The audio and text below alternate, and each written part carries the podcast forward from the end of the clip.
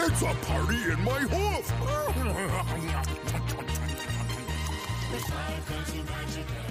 Welcome back to another episode of Daily Fortnite, your daily podcast about Fortnite.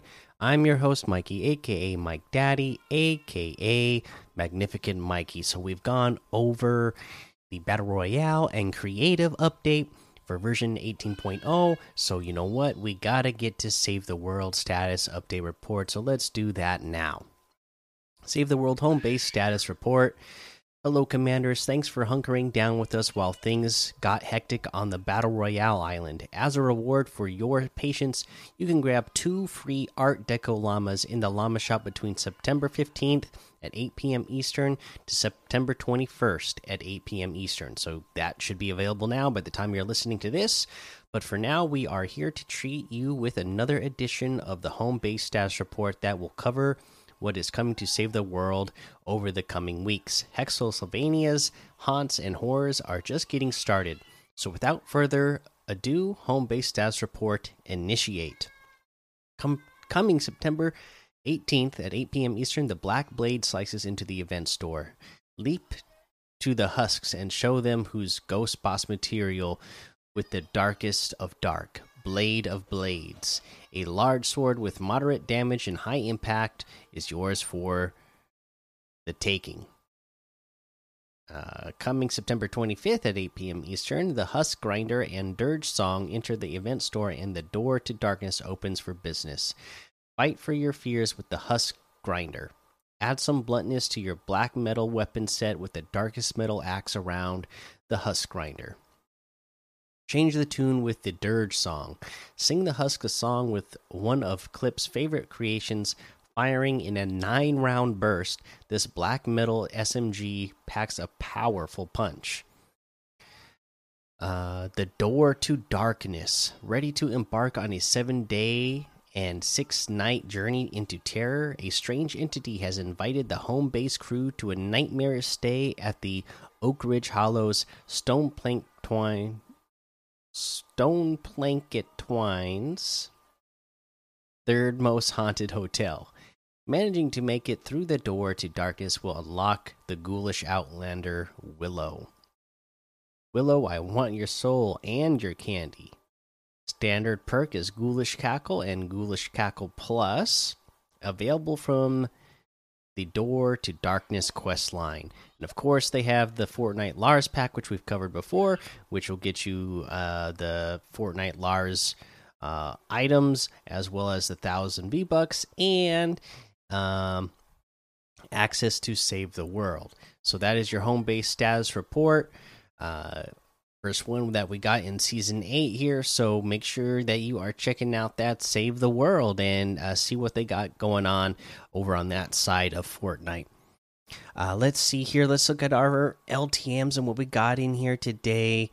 Um, you know, the, they still have that zombie section highlighted with the heroes versus zombies, uh, Fiend Slayer, Primal Survival, Zombie Island, Cowtown Open World Zombies, Team Deathmatch, Team Rumble, Red versus Blue Rumble.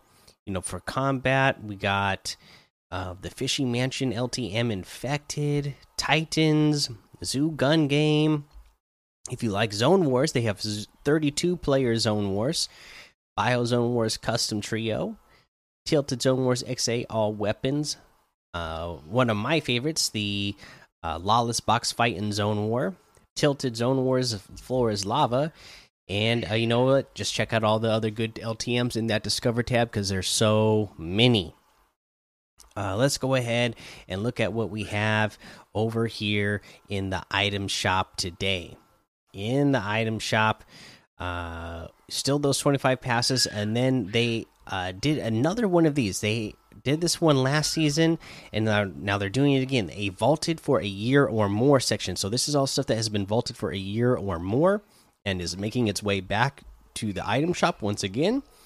Deep Sea Dominator outfit with the Octo Tank backbling for 1,500. This was one I remember when it came out because I really love uh, octopus, and uh, this was one that when it first came out, I really like it, and you know what? I still do. I really like this. One thousand five hundred for that.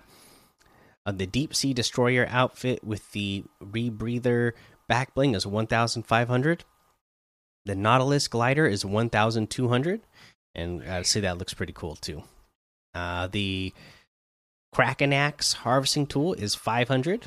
Pretty cool there. The Hyperion outfit is 1,200. Dazzle outfit 1,200.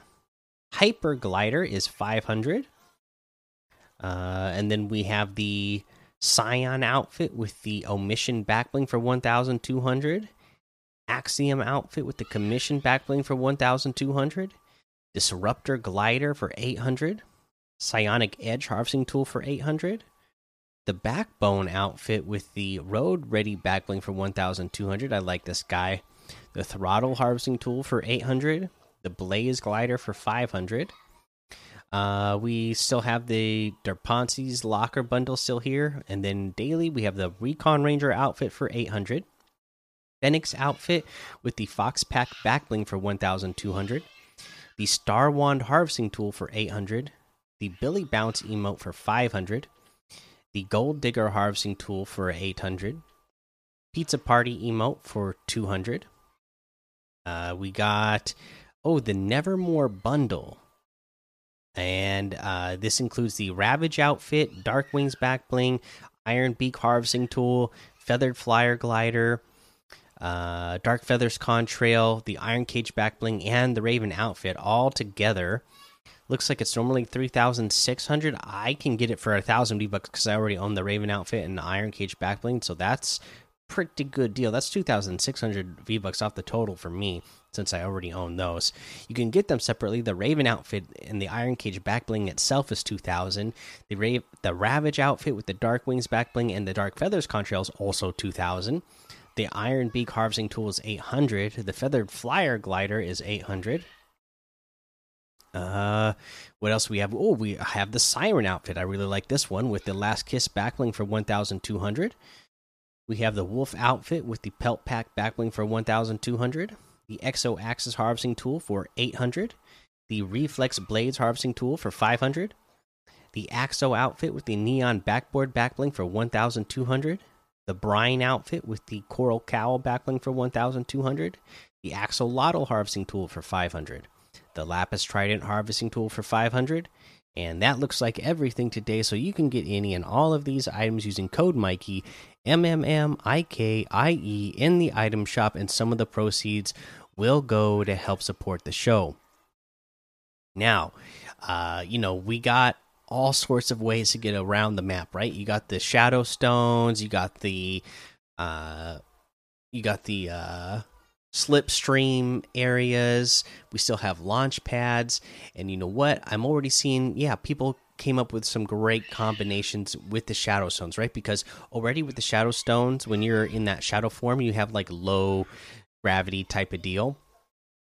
So you, uh, the way the physics works in Fortnite, you know, if you bounce on something like a launch pad, or if you bounce on, uh, there's like these little pads that you can jump on they're like bounce pads, I guess, that are close to the slipstreams. You can hop on those and then uh, even like send yourself flying through these slipstreams, and you're gonna go flying so far. So it's a good way to get across the map, uh, super quick if you need to get somewhere uh, really fast. I mean the mobility in this season's already really great, so I can't see a lot of cases where you need to. But there, you might come across a situation where you have to get all the way across the map, uh, you know, and this might be a useful method for you if you find yourself in a situation where you just got in a uh, in the middle of a battle uh, you just ended a battle, but the storm is there right next to you, and you still have to go all the way across the map, and the storm's going to be going way too fast for you to get ahead of it.